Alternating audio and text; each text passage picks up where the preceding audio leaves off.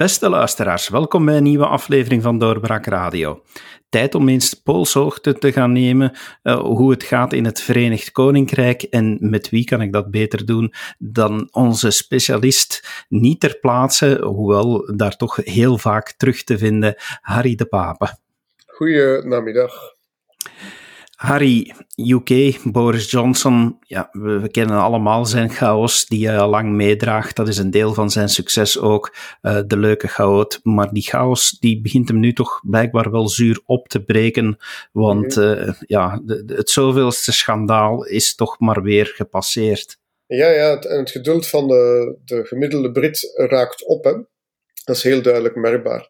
Uh, zoals je zelf schetst, hè, al jaren kent men hem als de chaot, als de man die toch wel graag met de waarheid een loopje neemt, maar we lachten het dan weg, want op zich hij is wel een toffe kerel en al die zaken.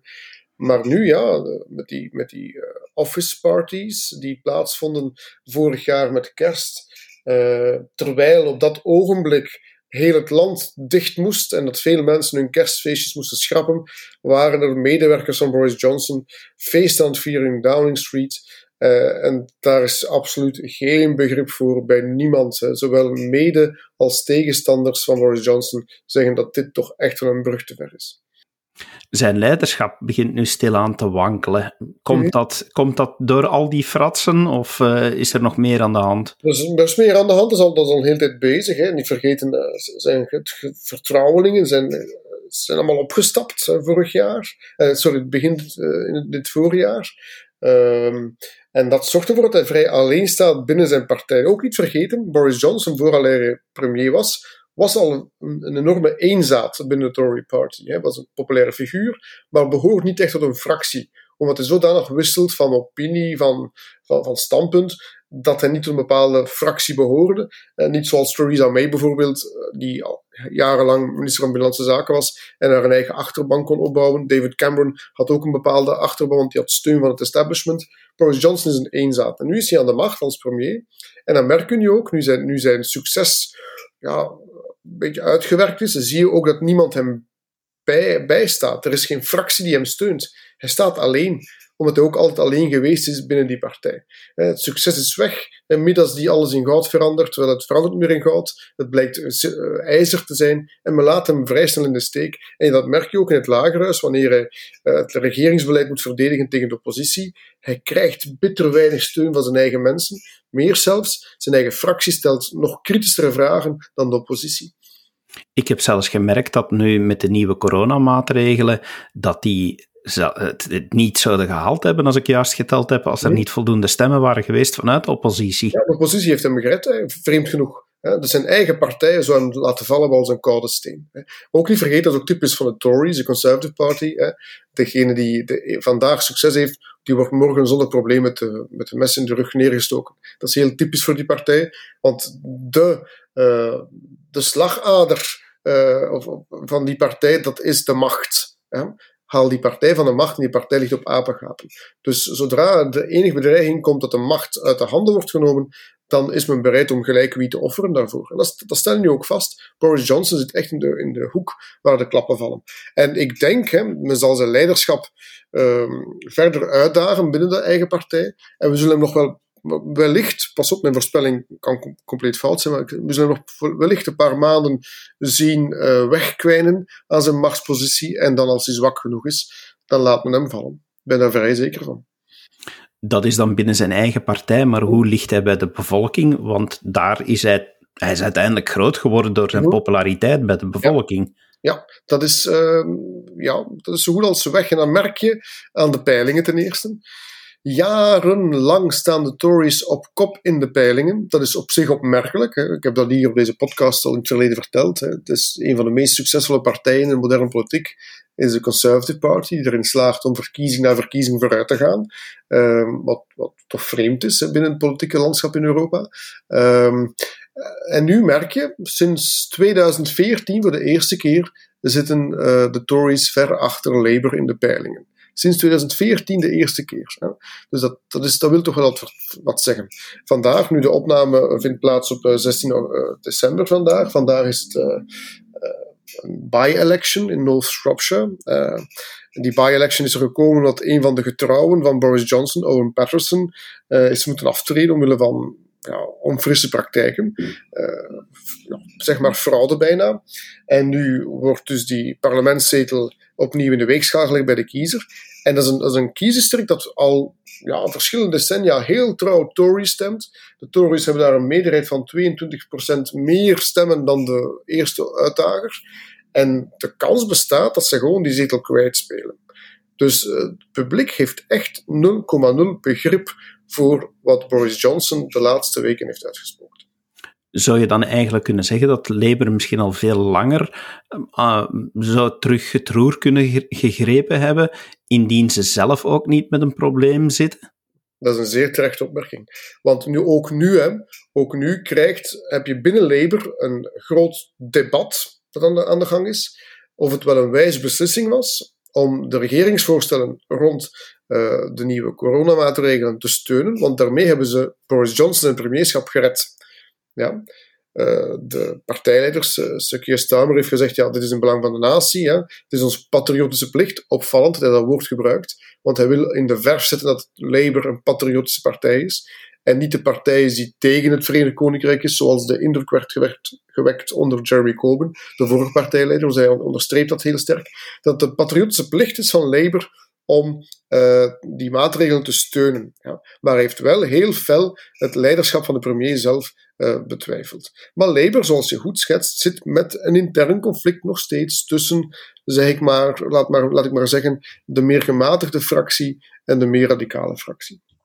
Hoe gaat dat eigenlijk in Engeland wanneer ja, bijvoorbeeld nu een premier een, uh, geen voldoende steun meer heeft uh, voor een wetsvoorstel? Betekent dat meteen ook dat zijn regering valt? Nee, uh, nee, want Theresa May bijvoorbeeld, die heeft dat verschillende keren meegemaakt met haar Brexit-voorstellen. Nee, dan uh, kan ofwel, dat heeft Theresa May gedaan, wat het vrij uitzonderlijk was, terugkeren naar het lagerhuis een nieuw voorstel voorleggen. Uh, maar traditioneel treedt die premier dan af, want hij heeft geen vertrouwen meer van zijn eigen fractie. Uh, en dan moet er een leiderschapsverkiezing plaatsvinden binnen de regerende partijen. En dan zij een nieuwe premier aan, die dan de plaats neemt van de vorige premier. Dat is eigenlijk de gang van zaken in het Verenigd Koninkrijk. Let op, ik zeg het eigenlijk fout. Dan moet, zo is het eigenlijk grondwettelijk gezien, dan moet de premier naar Buckingham Palace rijden en zijn ontslag vragen bij de Britse koningin. En zij zal het dan toestellen of, afkeuren. Als zij dat ontslag toestaat, dan kan de partij een nieuwe premier gaan zoeken. En als dan de, die partij een nieuwe kandidaat heeft gekozen, dan moet die kandidaat gaan vragen: kijk, aan het Buckingham Palace. Men heeft mij voorgedragen als mogelijke partijleider, als leider van de regering. Keurt dat goed, ja of nee? Dat is eigenlijk de officiële gang van zaken. Maar natuurlijk, weet zo goed als ik in de praktijk, eh, doet de Queen de, eh, dat allemaal automatisch. Maar ze zou in theorie wel kunnen zeggen: je staat mijn ja en ik keur het niet goed. Je zegt natuurlijk dat het leiderschap van Boris Johnson aan het wankelen is. Vaak gebeurt dat omdat hij door iemand anders wordt uitgedacht. Maar hier lijkt het meer op dat er vraagtekens worden geplaatst bij, zelfs bij de persoon, maar ook bij zijn leiderschap, maar dat er geen rechtstreekse uitdagers zijn. Ja, dat klopt. En dat is op zich zijn geluk. Op dit ogenblik is er nog geen valabele tegenkandidaat. Uh, dus ten tijde van Theresa May had je dat wel, want het spook van Boris Johnson hing al de hele tijd rondom haar. Dat heeft uh, Johnson dus niet op dit ogenblik. Er zijn nog geen sterke figuren genoeg. Je hebt wel verschillende namen die genoemd worden. Liz Truss, de minister van Buitenlandse Zaken, die zichzelf nogal graag portretteert als toekomstige leidster. Maar eerlijk gezegd, uh, zeer sterk is ze toch nog niet. Rishi Sunak, de minister van Financiën. Uh, ja, die heeft wel zijn aanhang ook, maar is ook als politicus nog niet sterk genoeg. Uh, je hebt dan Priti Patel, de minister van Binnenlandse Zaken, die ook wel de ambitie heeft om premier te worden, maar opnieuw hetzelfde verhaal. Zij is nog niet sterk genoeg als politicus. Michael Gove, die ooit uh, de medestander was van Boris Johnson in de Brexit-debatten, um, die man ambieert nog steeds premierschap is ook een soort van adder, die overal wel listige plannetjes opbouwt. Maar opnieuw, hij wordt enorm gewantrouwd door een groot stuk van, van de partij, dus hij is nog niet sterk genoeg. Je hebt op dit ogenblik geen figuur die verbindend genoeg is om Boris Johnson te vervangen. En dat is dan zijn geluk, want moest er wel zo iemand zijn, dan zou er nog harder aan de poten van zijn stoel gezaagd worden. Dan was waarschijnlijk de klus al lang geklaard, eerlijk gezegd. Dat was al lang gebeurd. Hè. Uh, dat heeft ook te maken met natuurlijk heel wat uh, op het ogenblik binnen de Tory Party zitten daar in het lagerhuis dankzij Boris Johnson, dankzij zijn overwinning die hij behaald heeft in 2019. Dat gaat over een 80-plus parlementsleden die dus een zitje hebben te danken aan zijn overwinning. En dat zorgt voor een stuk zijn, voor zijn sterkte. Opvallend is wel dat van die nieuwe lichting uh, heel wat mensen tegen zijn uh, voorstellen hebben gestemd uh, voor de nieuwe coronamaatregelen. Dat is opvallend. Dus zij durven nu tonen dat ze het niet langer eens zijn met de man die hen aan dat zitje geholpen heeft. Je zei ook al binnen Labour dat er ook discussie bestaat, maar wordt daar het leiderschap momenteel betwist?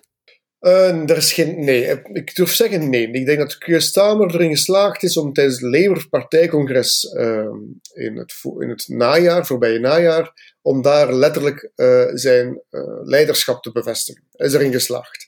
Hij had heel wat tegenkanting op, op het congres zelf. Hij werd openlijk geroepen tijdens zijn speech. Maar de hele partijleiding heeft duidelijk getoond: wij staan achter deze man. Um, en ik moet ook zeggen, Stukje Stamer heeft tijdens debatten van de voorbije uh, weken rond ook het, het gelekte schandaal rond die feestjes enzovoort, zich getoond als een, uh, een soort, ja, als een beleidsman. Als een, een, rustige man die rustig zijn krijtlijnen uittekent en die staat voor decency. Hè. Met mij zal dit niet gebeurd zijn. En ik denk wel dat heel wat mensen geneigd zijn om hem te geloven. Dat inderdaad, dat, dat dit niet bij hem zou kunnen gebeurd zijn. In het Verenigd Koninkrijk heb je natuurlijk het principe, waar, uh, ja, het kiessysteem winner takes it all, waardoor dat je een voordeel hebt voor de twee grote partijen. Maar je zit daar toch ook met een aantal kleinere partijen. Beginnen die nu in de lift te zitten, omdat de twee grote er eigenlijk maar minder van bakken? Ja, twee partijen die uh, profiteren van vooral het verlies van de Tories.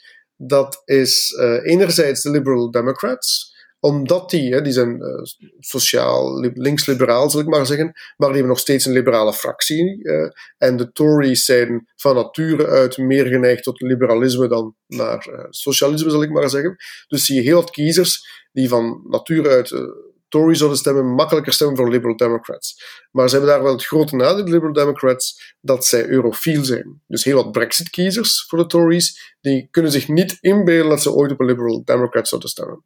Dus wie profiteert daar dan wel van? Dat, zijn, dat is de Reform Party, een nieuwe partij, uh, opgericht uit ja, de restanten van de, de UKIP, UK Independence Party, um, ja, die wel nog officieel bestaat, maar eigenlijk niets meer voorstelt. Het, um, die partij, die een nieuw kiessysteem voorstelt trouwens, hè, die profiteert wel van de onmin die er leeft aan rechterzijde over de, corona, over de coronamaatregelen, over de ideeën bijvoorbeeld. Het is daar zover nog niet in het Verenigd Koninkrijk, maar goed, van een coronapas bijvoorbeeld.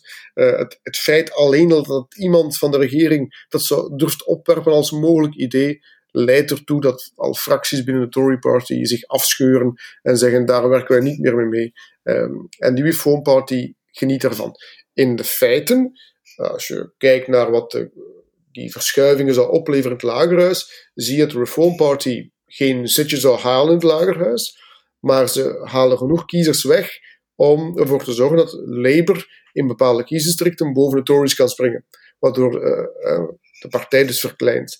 Wanneer je dan kijkt dus naar de naakte cijfers volgens de peilingen waartoe dit allemaal zou leiden in het lagerhuis, krijg je een hangparlement, geen enkele partij met een duidelijke meerderheid, waarbij je terug naar coalities zou gaan.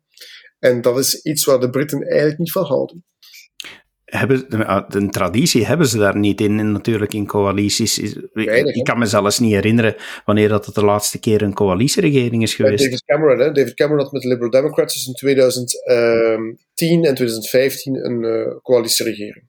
Uh, dat was de laatste echte keer. En de vorige keer uh, was er geen coalitieregering. Theresa May had een minderheidskabinet dat steun kreeg van de DUP, hè, de Noord-Ierse fractie, die haar steunde, maar ook regelmatig niet steunde. Wat mogelijk zou zijn nu, stel dat de verkiezingen plaatsen vandaag en de peilingen hebben gelijk, en dus is er hang parliament, dan gaat Labour op zoek moeten gaan naar een coalitiegenoot. Ik ben daar zeker van dat Tories geen coalitiegenoot gaan vinden. Niemand zal willen samenwerken met hem om hem genoeg zetels te geven.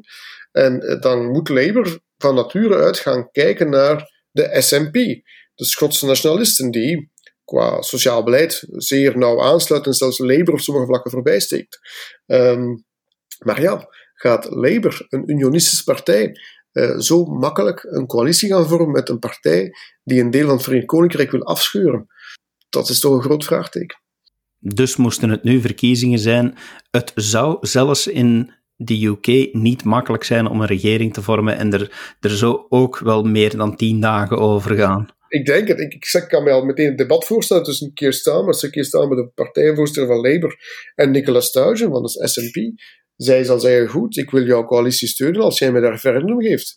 Waarop Keir Starmer misschien zegt, maar ik ben een patriot, ik wil dat niet. En voilà, de boel is weer geblokkeerd. Even weg van politiek. We hadden de vorige keer in de podcast ook al eens even de schijnwerpers gericht op de gevolgen van de Brexit. Eh, toen spraken we over de lege warenhuizen en eh, de benzinestations zonder brandstof. Hoe is de situatie momenteel? De situatie is zoals bij ons op dit ogenblik. Hè. Uh, het is eh, pokken duur voor jouw energie. Net zoals bij ons. De winkelrekken zijn wel degelijk gevuld. Nu, ik was niet zo lang geleden uh, in het Verenigd Koninkrijk. Ik moet eerlijk gezegd, uh, eerlijk zijn, ik heb daar wel niets van gemerkt op dat ogenblik. De persoon waarbij ik verbleef, die zei ook van ja, ik heb in een hele periode er weinig van gemerkt van lege winkelrekken. Maar goed, de man leeft rond Londen. Misschien woont hij net in een buurt waarbij de toelevering vlot verliep. want ik kan moeilijk ontkennen dat dat plaatsgevonden heeft. Hè. Um, situatie zoals bij ons op dit ogenblik. Is heel vergelijkbaar. Engelsen ja, hebben een ongelooflijke kersttraditie. Hm. Maar de corona, corona, slaat daar nu ook geweldig om zich heen. Komt kerstmis in Engeland in gevaar door de coronamaatregelen? Ik las net nog een artikel de Queen. Hè, het summum van Britishness haar kerstdiner heeft uh, geannuleerd uh, omwille van de nieuwe coronamaatregelen. En dat is iets wat ook heel wat mensen boos maakt. Hoor. Dat is ook een van de redenen waarom men zo boos op, Boris Johnson. Um, men had al maanden een stuk gezegd: uh, Christmas gaat gewoon doorgaan. En nu wordt dat maar meer en meer duidelijk dat kerstmis, net zoals zal verlopen zoals bij ons hier, beperkt. Uh, niet uitbundig zoals de Britten dat willen. En dat pikt wel bij veel mensen hoor. Dat doet wel pijn voor veel mensen, want uh, zoals je zelf zegt, kerstmis is daar iets heel groots. Uh, dat, is, dat is een pijnlijke vaststelling. De Britse stoere dame nummer 1 die je al noemde, de Queen. Hoe gaat het nu eigenlijk met haar? voorlopig, still going strong, zoals men zegt. Maar het is een dame van een hoogbejaarde dame met gezondheidskwalen. Hè uh, draait of keert, maar ze, de publieke functies oefent ze nog uit. Ze delegeert meer en meer naar de, naar de, de kinderen en de kleinkinderen. Uh, maar uh, ze verschijnt ook minder uh, in het publiek dan voorheen. Maar ze is wel degelijk nog altijd aanwezig. en heel interessant, hè? veel via Zoom. Dus audiënties van al die ambassadeurs, die jaarlijkse audiënties, verlopen via Zoom. En dan krijg je grappige beelden waarbij je dus uh, ambassadeurs met hun uh, echtgenotes of echtgenoten uh, helemaal opgedrukt voor een, een, een, laptop zien staan, die dan ook de referentie maken voor een laptop.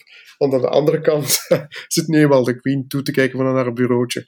Dus ja, dat is eigenlijk wel een absurd, absurd beeld. En dan denk ik ook weer bij mezelf, ja, hoe, hoe Brits kan het zijn? Hè? het is natuurlijk wel makkelijk, want dan als ze echt ziek zou zijn, kunnen ze gaan werken met deepfakes. Ja, ook wel, ja. Maar is er naar aanleiding van, ja, ze is ook bejaard. Uh, iedereen weet natuurlijk dat, uh, dat het niet eeuwig kan duren. Uh, begint de vraag te leven in het Verenigd Koninkrijk omtrent het Koningshuis? Of dat de UK echt nog wel een koninkrijk moet zijn? Die vraag op zich niet. de vraag is eerder hoe zal het koninkrijk eruit zien zonder haar? Hè? De monarchie op zich wordt nog niet in vraag gesteld. Dat is wel opvallend. Hè? Dus dat debat leeft op dit ogenblik nog niet. Dat debat zal misschien meer op gang komen zodra Charles de, de scepter en de, de kroon overneemt. Harry, dankjewel dat je de tijd hebt genomen om ons weer een blik eh, te geven op het land niet ver van ons af, maar niet meer behoren tot de Europese Unie. Uh, ik wens je alvast een heel leuke kerst toe met, uh, met een Engelse kalkoen misschien. Uh, ja, natuurlijk. Een Engelse kerstboom, een Engelse kerstliederen, alles wat je wil. Geniet ervan en uh, we spreken elkaar dan wel na nieuwjaar om te horen hoe de situatie is in het Verenigd Koninkrijk. Ja. Dankjewel. Uh, dankjewel. Merry Christmas. Merry Christmas. En ook alvast uh, bedankt aan u luisteraar dat u meegevolgd hebt en heel graag tot de volgende podcast. Dag. Dit was een episode van Doorbraak Radio de podcast van doorbraak.be. Volg onze podcast op doorbraak.be/slash radio of via Apple Podcasts, Overcast of Spotify. Bezoek ook onze website op doorbraak.be en steun ons door een vriend te worden van Doorbraak.